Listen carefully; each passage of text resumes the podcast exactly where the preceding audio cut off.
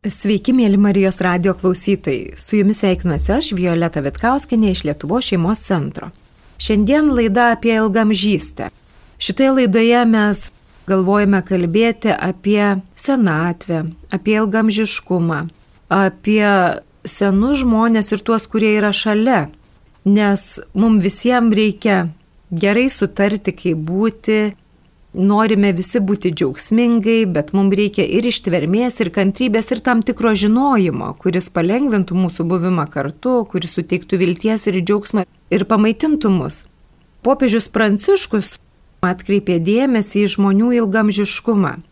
Jisai nekartai yra minėjęs, kad nebūtų tiek skirybų, jeigu žmonės taip ilgai negyventų. O dabar žmonės gyvena ilgai, reikia mokytis naujų bendravimo įgūdžių, kurį reikia vyresnėme amžiuje. Jis taip pat minėjo ir kvietė visus pagalvoti apie senelius. Ir jis akcentavo, kad jeigu senam žmogui nėra vietos, nėra laiko mūsų gyvenime, tai ir jaunam žmogui nėra vietos, nėra laiko ir nėra ateities. Tai šeimos centre mes pagalvome, kad labai svarbu atkreipti dėmesį ir kartu pasvarstyti apie tą senatvę. Vieni jos laukia, bet gal dažniau žmogus nelabai jos laukia, bet ji vis tiek ateina su visų savo grožiu, su savo sunkumais, su savo išbandymais. Ir mes galvojame šitose laidose kalbėti su Nijolė Liobikėne, taip pat galvojame kalbėti su Vilniaus hospiso komandos nariais, pakalbėti ir apie mirtį, ir apie pasiruošimą mirčiai, ir apie senatvės grožį ir svarbą vienu žodžiu. Šitos laidos viešne yra Dalė Lukieninė. Sveiki. Aš labai džiaugiuosi Dalė, kad atvykai pasikalbėti ir Dalė yra ir mama, ir močiutė, ir jie nukaršino savo mamą ir dabar turi ką karšinti. Ta prasme, toks amžiaus tarpsnis, kuris yra toks pilnas, toks pilnas visko kad manau mes galėsim šiek tiek šnektelėti apie tą senatvę, praskleisti tą šydą, staptelėti ties ją. Dalė, net nežinau, kurį pirmą klausimą užduoti, bet gal pirmas klausimas tegu bus apie tave kaip apie močiutę. Kiek tu turi anūkų? Jau turiu aštuonis anūkus ir turiu pasakyti, kad neskiriu jiems pakankamai laiko, nes tikrai, kaip jau minėjai, dalyvauju kitame projekte. Kokiame kitame projekte dar dalyvauji? Kai mane kas nors kviečia, tai aš taip pat sakau, sakau, ne, ne, šituos visus atidedam, aš kitame projekte dalyvauju, nes keturis metus karšinau savo mamą, ji negalėjo vaikščioti, ji tik gulėjo ir sėdėjo, tai tikrai reikėjo ją ir pamaitinti, ir apiplauti, ir taip toliau. Ji iškeliavo ir dabar vyro mama jau reikia jai priežiūros nereikia pavalgydinti, bet jau reikia viską paduoti, viską paimti, išplauti, padėti, aprengti, bent jau pažiūrėti, ką jinai rengėsi pati. Ji dar vaikšto, bet kaip atsitinka tokiame amžiuje, kartais nebeatsimena nei kur yra, nei, nei kur vyksta, nei kas čia mes tokie. Paskui prisimena, bet jau tikrai nebegali būti viena. Ir pati sako, aš nebenoriu būti viena. Tai tas buvimas namuose jau darosi toks sunkus, nes tu negali išsprūsti net vai Marijos radio laidą ar į darbą, pavyzdžiui. Tai mes taip puikiai gyvuojam tik todėl, kad turime keturis vaikus ir jie mums kai kurie daugiau, kai kurie mažiau padeda. Dalė iš karto pakreipi, kad vis tik tai tavo dabar pagrindinis projektas, tas senatvės projektas, taip. pagalba yra dabar vyro mamai, taip. buvo tavo mamai. Ir paminėjai labai svarbų dalyką apie pasidalinimą atsakomybėm, kad vaikai padeda, nes kitai būtų labai sunku. Iš tikrųjų būtų labai sunku ir ne tai, kad fiziškai sunku ar ten darbo daug, bet tiesiog psichologiškai ir moraliai taip sunku matyti, pavyzdžiui, kai senas žmogus kenčia arba nuolat būti namuose, padavinėti valgymą arba ten plauti Tai nėra fiziškai sunku, tai tiesiog žmogui reikia kažkiek atsipūsti, ištrūkti iš namų. Tai šiuo požiūriu mums labai gerai, nes mums padeda sunus Marti, kitas sunus, kita Marti. Dukra šiuo metu negali prisidėti, bet ji taip pat prisidėdavo. Dabar augina kūdikėlį, tai jai pačiai reikėtų gal daugiau mano pagalbos, bet taip jau yra, kad mes visi kažkaip drauge bandom šitas visas situacijas išspręsti. Aš matau, kad esi tarp kelių ugnių, tokia truputį ir įtampai, nes reikėtų ir dukrai pradėti dėl anūkų. Ir čia yra jau Anita, kurią reikia prižiūrėti, tai iš tikrųjų tokia kaip ir įtampa. Dedalė, aš galvoju apie tai, kaip gerai, kad jūs turite kaip pasidalinti tuos darbus. Man iš karto mintis, kad labiausiai slegia rutina. Taip. Vienokia rutina ar kitokia, ar su senu žmogumi, ar su vaikučiu, ta rutina per laiką pradeda slėgti. Jeigu būtų viena savaitė, tai mes visi su ta savaitė nesunkiai susitvarkom. Bet kai kalba eina apie mėnesius ir metus ir kitus, tada pasidaro labai sunku. Taip, kodėl seno žmogaus karšinimas taip vargina? Kodėl? Jeigu tu augini kūdikėlį, tu žinai, kad jis po pusės metų sėdės, po metų pradės vaikščioti, paskui pradės kalbėti. Ir džiugu, kad visa tai vyksta ir jeigu jis neserga, tai yra labai viltinga, gražu, džiugu. O jeigu atgula senas žmogus, tai nebūtinai jis atsikels, galbūt jis ir gulės visą likusį laiką. Jeigu jis ten nustoja valgyti, nežinia ką daryti, nebūtinai tai atsistatys, Ir kadangi visa tai tęsiasi laikė nežinia kiek, tu nieko negali planuoti. Tu tiesiog esi čia ir dabar. Ir jeigu tas tęsiasi labai ilgai ir niekas tavęs nepavaduoja iš tikrųjų, tai labai vargina. Tai tiesiog veikia mūsų psichika. O dalė, kaip tu randi atokvėpį? Kas yra tavo atokvėpis atgaiva, nes kai karšinai mama keturis metus, tai tikrai pakankamas laiko tarpas, kai vienas patirti tikrai tą tokią ir lygą, ir karšinimą, ir svorį, būti šalia sergančio artimo žmogaus ir kame būdavo tavo viltis, kame būdavo tavo džiaugsmas, kame būdavo tavo atsipalaidavimas, ar jo būdavo. Aš galvoju, jeigu aš negalvočiau, kad palydžiu žmogui amžinybę, tai tikrai nebūtų jokios vilties, tada žmogus subyra ir nieko nelieka. Bet jeigu mes tikim, kad mes palydim žmogui amžinybę, ir kad mūsų visas tas palydėjimas tada yra prasmingas, kad žmogui būtų lengviau išeiti, kad kažkaip viskas ryšasi ir čia, ir, ir aname pasaulyje, tai va tas išlydėjimas tada yra daug viltingesnis. Bet vis dėlto, man atrodo, kad jeigu aš būčiau viena, o ne su vyru, su vaikais šitame darbe, tai būtų daug sunkiau ir nežinau ar pakeliama. Ne dėl to, kad tai fiziškai sunku, o tiesiog dėl tos rutinos ir tos nežinios. Tai man labai daug padėjo ir vyras lygiai taip pat karšino mano mamą, su ją bendravo, lygiai taip pat vaikai ateidavo vienas po kito. Ir mano Anyta tada dar buvo pajėgi paduoti jai valgyti, tai buvo ir jai labai toks kaip ir užsiemimas toks atnešti valgyti. Žinoma, ta visa skalbimo, valgio ruošimo rutina vis tiek gulė ant mano pečių, bet tai nebuvo tikrai sunku. Ir aš galvoju, jeigu aš būčiau viena ir kai kartais girdi, kad vienas žmogus karšina kitą žmogų, tai yra tikrai labai sunku. Maničiau, kad tai yra labai sunku. Ir aš iš tave suprantu, kad tam vienam žmogui reikia, pagrindinis dalykas yra ieškoti kitų, kas galėtų padėti. Taip, bent išleisti valandą kitą atsipalaiduoti, bent išleisti kažkur išeiti, su kažkuo pabendrauti. Ir jeigu tikrai nėra nei giminaičių, nei artimųjų ir nėra finansų, kad kažką pasamdyti kartais, nežinau, valstybė galbūt turi kažkokių galimybių, galbūt galima kažką pasamdyti, kad kartais ateitų, nes pačiam pakelti visą tai tikrai nėra lengva. Tikrai, tikrai, tai yra nepaprastai sunku.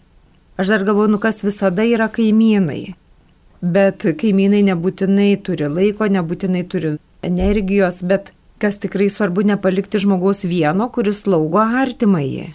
Taip, nes tai gali baigtis katastrofa.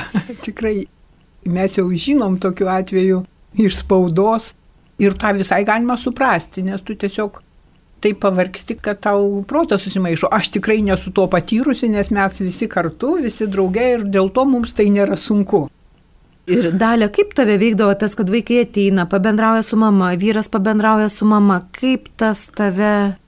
Tai mane veikdavo? tikrai iš vienos pusės labai džiugina, kad tu matai, kad jie tikrai tau padeda ir tu esi tikrai dėkingas tada ir gera tai pasakyti.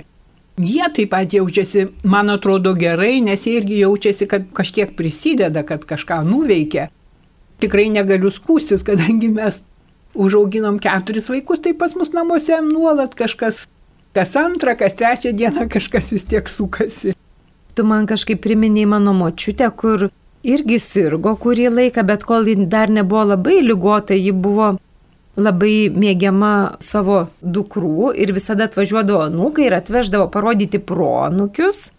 Ir tada būdavo, nu, toks, kad visada užvažiuoja pas bobutę, ten pasikalba, ten tie pronukiai jau trumpai, nes vat, labai mažam ir labai senam būdavo nebūtinai labai įdomu. Bet tada jau anūkai tai rasdavo tą kalbą, ką pasikalbėti, apie ką ir aš atsimenu, kad jie visada laikydavo tokia svarbia užduotim pralinksminti bobutę. Nors mhm. bobutė nebuvo liūdnas žmogus ir ją pralinksminti būdavo nesunku, bet visada būdavo svarbu, kad mes pasijuokėm, mes kartu pasijuokėm. Tai tokių istorijų ieškodavau, kokių iš savo gyvenimo arba iš seniau. Ir aš pamenu, kai aš būdavau netoliese, aš irgi va tą nūkę, Tai būdavo labai tokia šventė tokia, kur ten labai nelyzdavai, nes jau kambarys prisipildė, ten kokie penki iš Kauno atvažiavo ir ar, ar šeši iš Vilniaus. Ir jie bendrauja ir jau kad juokiasi, ten tik spėjai duoti kažką atsigert, kažką pavalgyti. Ir tas būdavo tokia maža šventė. Nors tikrai va ta bobutė ėjo senin, ėjo prastinta sveikata, bet tas buvo kažkoks toks atokvėpis, toks sustojimas ir smagus sustojimas, nepaisant amžiaus ir lygos. Taip aš iš tikrųjų manau, kad tiems seniems žmonėms irgi labai džiugu, svarbu matyti tuos augančius mažus proanukius ar anukus ir tas vaizdas juos irgi ne tik turtina, džiugina, bet tiesiog jų gyvenimas tęsiasi tarsi.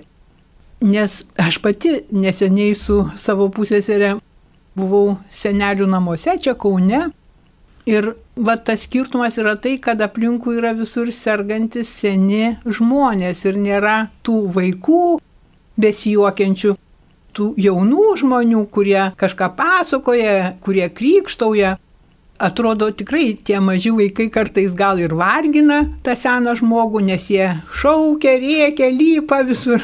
Taip. Bet tai kartu yra ir didžiulis džiaugsmas, nes tu matai, kad gyvenimas eina, vaikai auga, jeigu jie sveiki, tai savaime tam senam žmogui yra džiugu.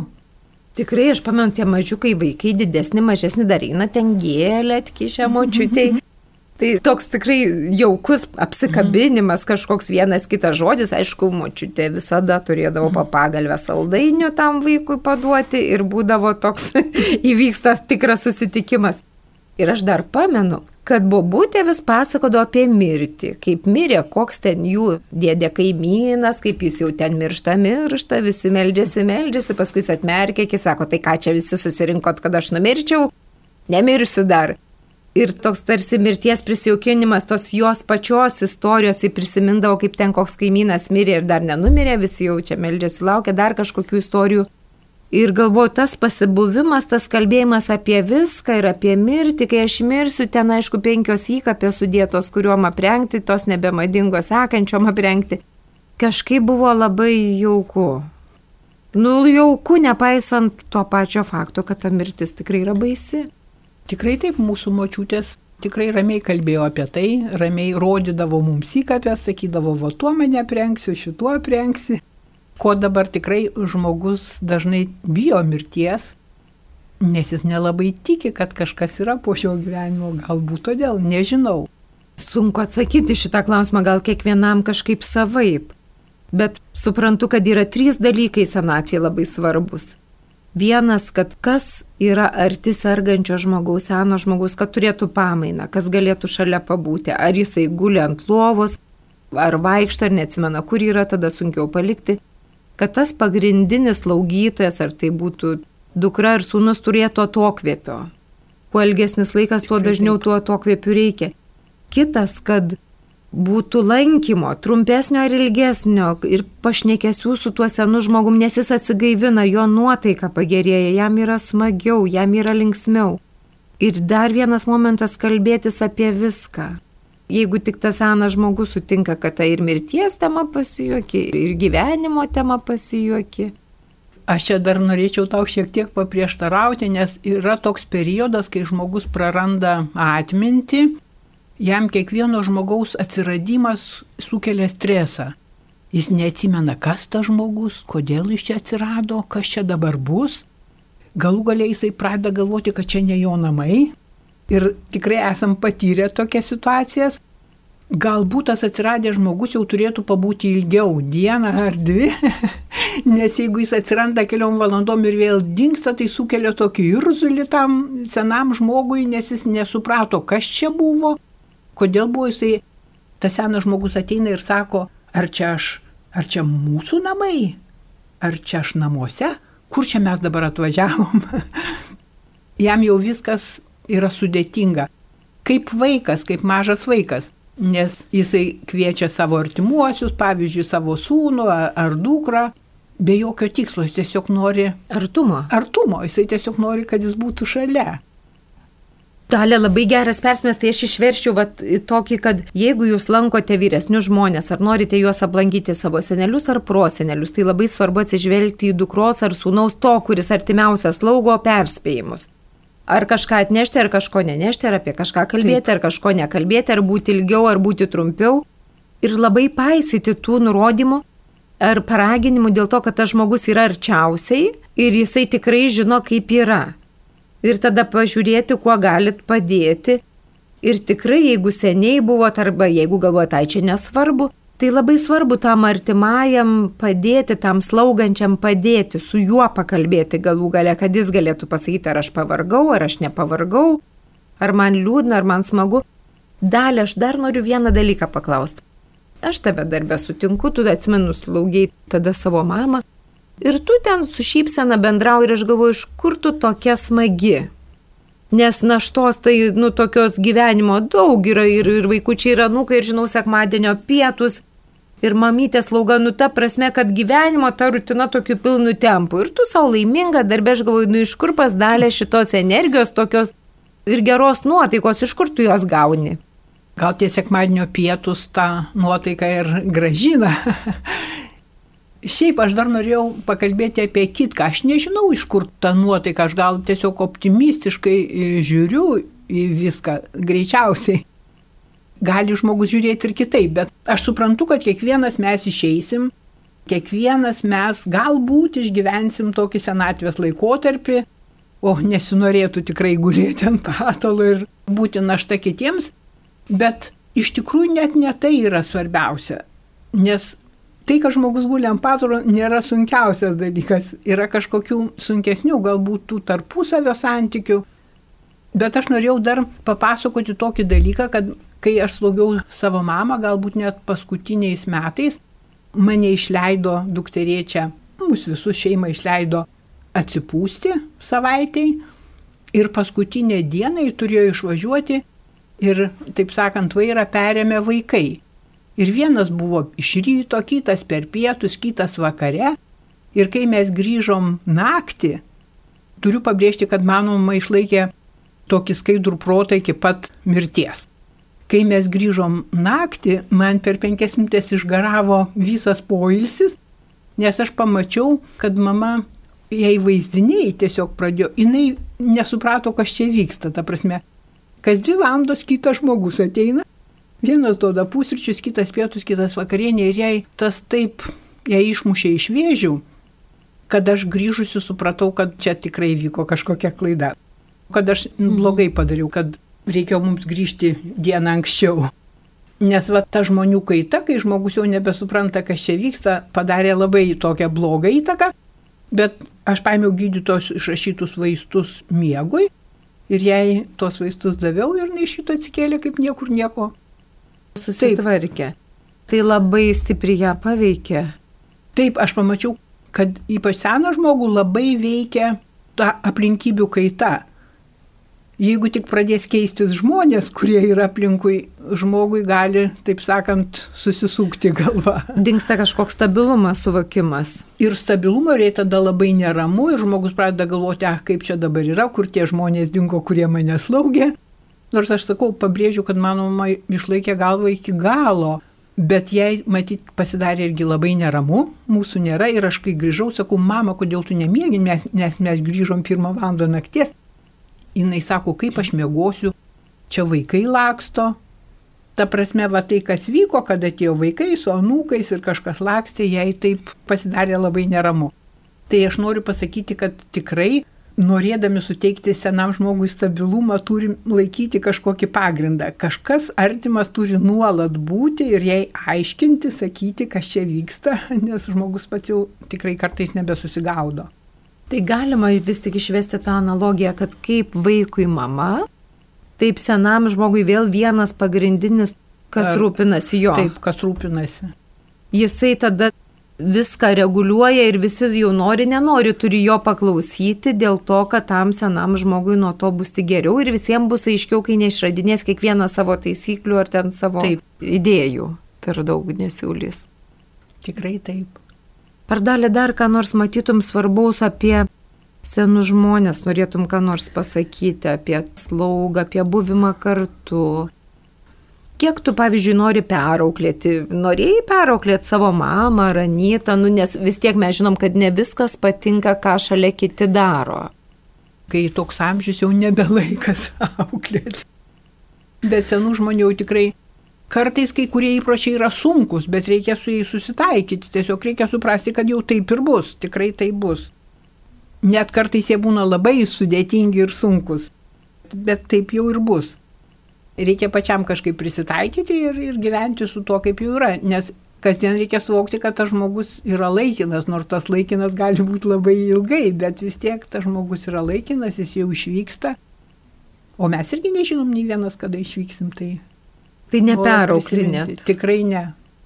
Tikrai ne. Net jeigu labai nervuoja. Net jeigu labai yra sunkių tokių įpročių. Tikrai, tikrai. Kartais yra. Mhm. Gerai, nu ką, belieka sutikti, nors mes kiekvieną žinom, kiekvienas jūs, mėly radio klausytojai, žinot, kad tai yra tikrai sunkus dalykas priimti kito įprotį, kuris mums nepatinka. Bet tas amžius ir tas laikas, kai yra lyga, nieko nepakeis. Jūsų norai, jūsų bandymai ten perkeisti tą kitą žmogų turi labai mažai šansų, bet labai turi tokį sunku užtaisą konflikto tas karšinimas yra toks labai skirtingas. Ne visiems taip atsitinka, kad vat, karšinti žmogų daug metų. Yra lygų, žmonės susirga ir miršta, o yra ir senatvė, kai jau žmogus sulaukia šimto metų, taip jau mes sutverti, kad turim išeiti. Ir iš tikrųjų jis jokių tokių ypatingų lygų neturi, bet po truputį sensta ir išeina.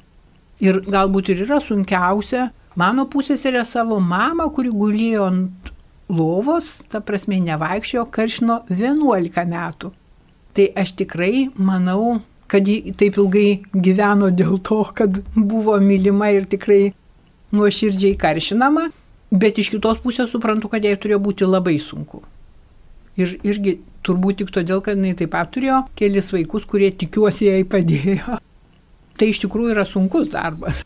Taip, ir aš suprantu, kad senatvėje galiu suprasti geriau, kodėl gerai yra daugiau vaikų. Nors ta jau pragmatiška pusė seniai, nu, bandoma yra išstumti, kad tikrai ne vaikai čia turi, neturi ten būtinai tysenais tėvais rūpintis ar panašiai. Bet realiai tai kas jeigu ne jie. Ir jie kiek pajėgia. Aišku, yra gerai, kai yra pagalba ir slaugos ligoninės ir panašiai. Bet kai turi šeimoje galimybę pasikeisdamas būti su tuo senu žmogum, tai yra didžiulė dovana, sunki dovana visiems. Tikrai taip. Ir aš manau, kad taip namuose sentamas žmogus natūraliai jaučiasi. Va, tie patys žmonės, jis supranta pats, kad sensta ir kad vis tiek teks išeiti, bet kažkaip natūraliai. Ir visai kas kita, kai jis yra senelių namuose nieko nepadarysi, vaikų yra mažai ir vienas žmogus nepaėgia nukaršinti savo tėvų, jis juos tiesiog bando priglausti senelių namuose ir prieglaudose. Bet tie, kas gali karšinti, man atrodo, kad tai yra kur kas natūraliau. Tikriausiai, tikriausiai, tik aš žinau, va tokių irgi istorijų, kur žmonės dirba, visiškai nespėja, tų artimų nedaug, arba migravę, arba vienas, tai ypatingai komplikuotos situacijos ir tie jauni žmonės neaišku, kiek turi turėti psichinių ir fizinių jėgų, kad jie spėtų ir savo vaikus sužiūrėti, ir savo tėvus sužiūrėti. Ir aš galvoju, bet vis tiek, kodėl popiežius tą ilgamžystę vadina lobiu? Ir prisimenu Joną Paulio II, kuris sakė, kad tie ligoniai yra didžiulė armija, didžiulė maldos armija, kuri gali padėti mums visiems, Kaip tu dalė žiūri į tai? Žinoma, tų ligonių yra įvairių. Vieni tikrai labai daug laiko praleidžia maldoje, kiti galbūt ne ir čia nieko nepadarysi, bet bet kuriuo atveju šitie žmonės yra, va pavyzdžiui, ateina anūkai, pronukiai ir jie mato, kad močiutė guli, kad jinai va, gulėjo, gulėjo ir kažkur iškeliavo amžinybėn, jie vis tiek iš to mokosi. Tai nėra tuščias gulėjimas, jie vis tiek mokosi, mokosi, kad reikia tą seną žmogų prižiūrėti, kad reikia jam parodysi savo meilę, va, kad ir gėlytę atnešti ar papasakoti įdomų įvykį. Tai yra irgi didžiulė pamoka ateičiai. Taip. Nes mes visi visą gyvenimą mokomės. Taip, taip. Aš žiūriu į laiką ir galvoju, ar čia spėsim pakalbėti dar apie anūkus truputėlį, gal truputį galim šnektelėti taip. apie anūkus, dar yra dešimt minučių. Dalė, sakyk, tau kaip močiutiai, kas yra sunkiausia ir kas yra smagiausia? Šiaip labai smagu su vaikais žaisti kažkokius žaidimus arba matyti, kaip jie bendrauja, kalbėti su jais, eiti kur nors na, žolinė ir ką nors su jais kalbėtis, tikrai yra labai smagu. Galbūt sunkiausia pakelti, kai jie, na, va, labai garsiai kalba, reikia tiesiog. tai mes su vyru va, buvom su savo nukais zoologijos sode ir savai mes suprantama atsitiko konfliktas ten tarp jų, tų anūkių ir jos garsiai rėkė ir paskui viena taip supyko, kad jau ir toliau verkė ir aš pasilikau su ją, o vyras nuėjo su kitom dviem toliau žiūrėti.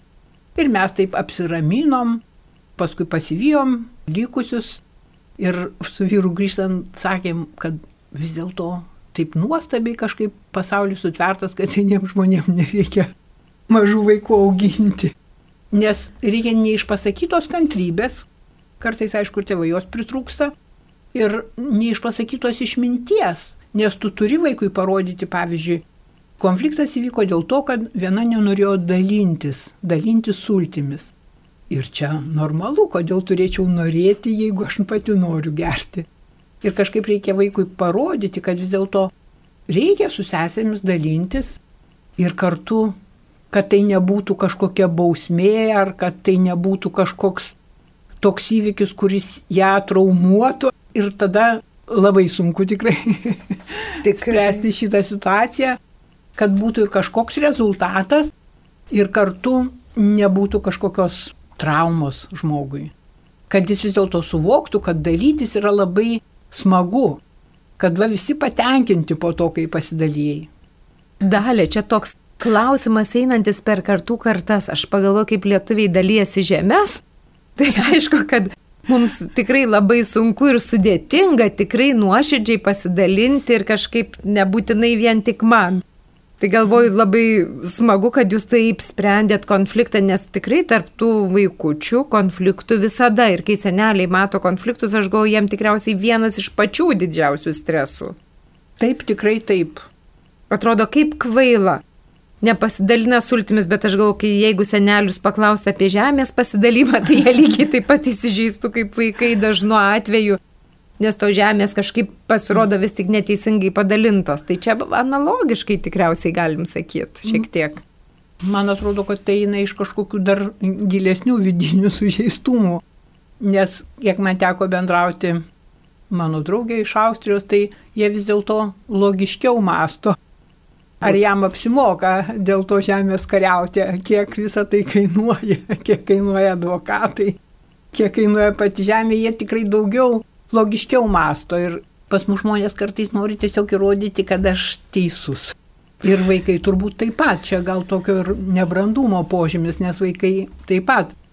Jeigu vaikas po tokio konflikto matai, kad jis geranoriškai jau toliau dalyjasi ir kad jis suprato, kad jis suklydo, tai yra jau didelis atsiekimas, jau didelis, Be ne visada abejo. pavyksta. O kartais iki dešimto karto jis pradeda matyti prasme, nes procesas, kol tu supranti, kas čia su tavimi įvyko. Taip, taip. Ir jeigu jau pradeda matyti, tai jau labai labai pavyko. Aš kažkaip galvo dalį labai pasisekė tavo anūkams, Ir dabar jau pabaigai visai klausimas toks, ką tu palinkėtum tiem žmonėm, kurie ir anukėlius jau turi ir dar prižiūri savo tėvelius. Koks tau būtų jam palinkėjimas, padrasinimas iš tavo patirties? Aš tik sakyčiau, kad ypač tie, kur prižiūrit senus žmonės ir jeigu tai ir tęsiasi ilgai, tai tikrai prašykit pagalbos, jau ko tik galit, prašykit pagalbos, kad jūsų tas buvimas kartu būtų, nu, kiek galima džiugesnis. Nes iš tikrųjų tai gali būti kančia, bet gali būti ir džiaugsmas.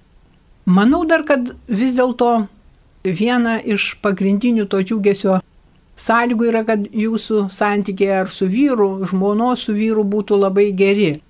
Tada jūs, jūs savaime kažkaip draugė spręsit tas problemas ir linkiu visą tai su džiaugsmu atlikti. Bet kartu ieškoti pagalbos, prašyti tiesiog kažko, kažkieno pagalbos. O dabar atsisveikiname ir linkime jums gražaus, ramaus vakaro. Sudė. Sudė.